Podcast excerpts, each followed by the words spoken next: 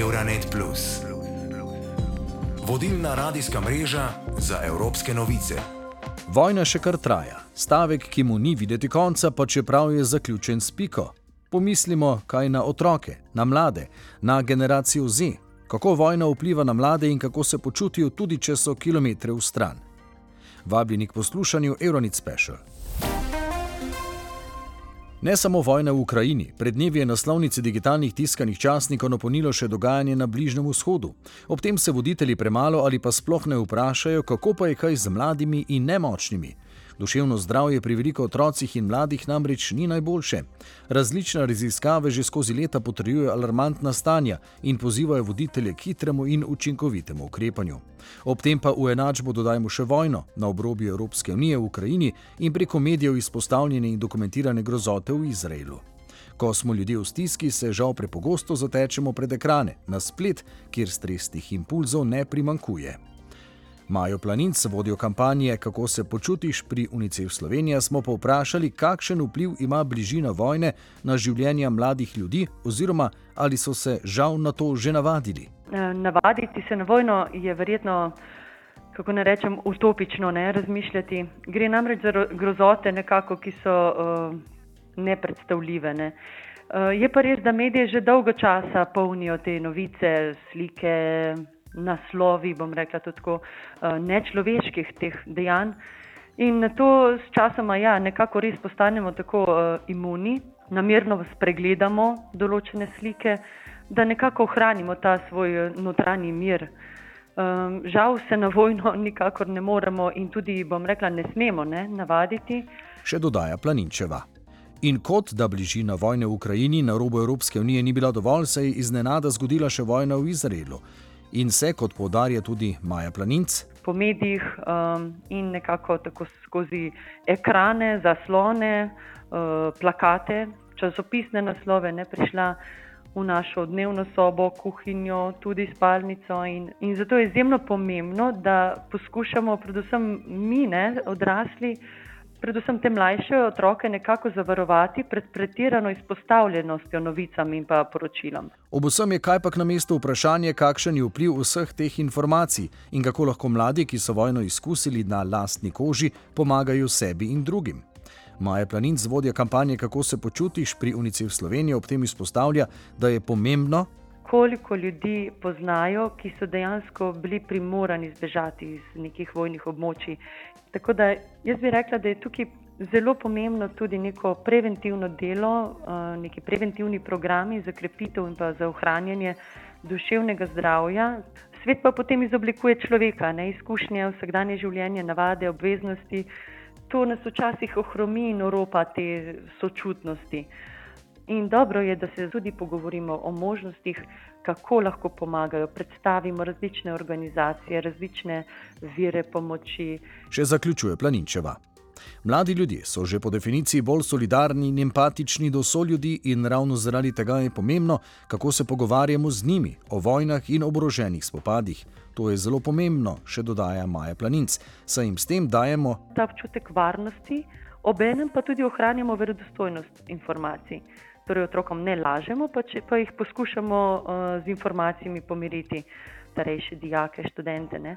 Preverimo, kaj vejo, vejo o situaciji, kje so o tem slišali, kako to situacijo dojemajo, kaj o tem občutijo. In dobro je, da se z otroki, starejšimi, mladostniki, študenti tudi pogovorimo o možnostih, kako lahko pomagajo. Predstavimo različne organizacije, različne vire pomoči. Še zaključuje Maja Planinc, vodja kampanje Kako se počutiš pri UNICEF Slovenija. Kako z vojno živijo mladi državljani Evropske unije, ko se vojna vleče? Leto in pol po ruski invaziji na Ukrajino je podpora Ukrajini med mladimi po vsej Evropski uniji tako živahna kot v prvih dneh. Ali mladino vojna sploh še zanima? Ana Lvova, 25-letna Ukrajinka, ki je pred šestimi leti prišla študirati v Varšavo, njena družina pa je še zmeraj v Ukrajini, odgovarja, da je to res mogoče. Niestety mi się wydaje, że można, chociaż cały czas mówię, że. Žal se mi zdi, da lahko, čeprav si vse čas govorim, da ni treba.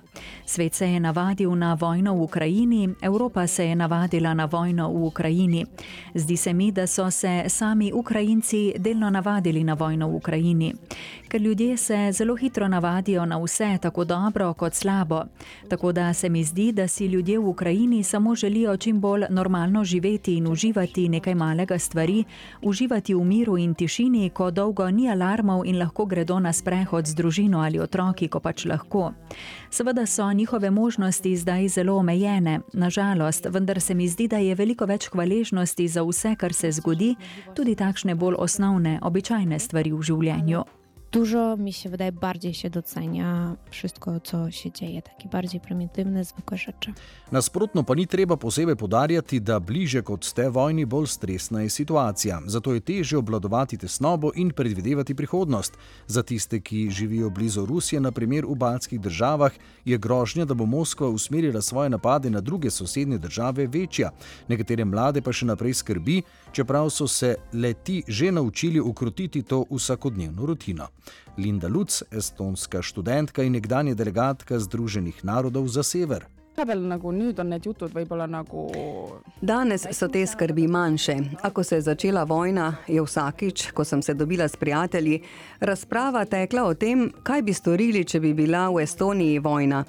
Pravzaprav je bilo veliko strahu, da bo Rusija napadla Ukrajino, in v bistvu je minilo leto in pol, in nič se ni spremenilo. Bali smo se, kaj bi se zgodilo, če bi bili naslednji. Spominjam se, da so ruski kanali že govorili o načrtih za napad na baltske države. Vse to je ustvarilo strah in veliko se je govorilo o tem, kaj narediti, kdo bo odšel, kdo bo ostal, ali ima kdo kakšne rezerve, tako finančne kot v obliki konzerv. Spomnim se tudi, da sem s prijatelji živela tako, da smo se založili sodi za vodo, pet litrov vode na osebo, naprimer, za vsak slučaj. Pravzaprav so vsi imeli to idejo v mislih, nikoli se ne ve. Je pa še vedno veliko zaupanja v NATO in Evropsko unijo. Tudi če obstaja strah, se še zmeraj počutimo zaščitene.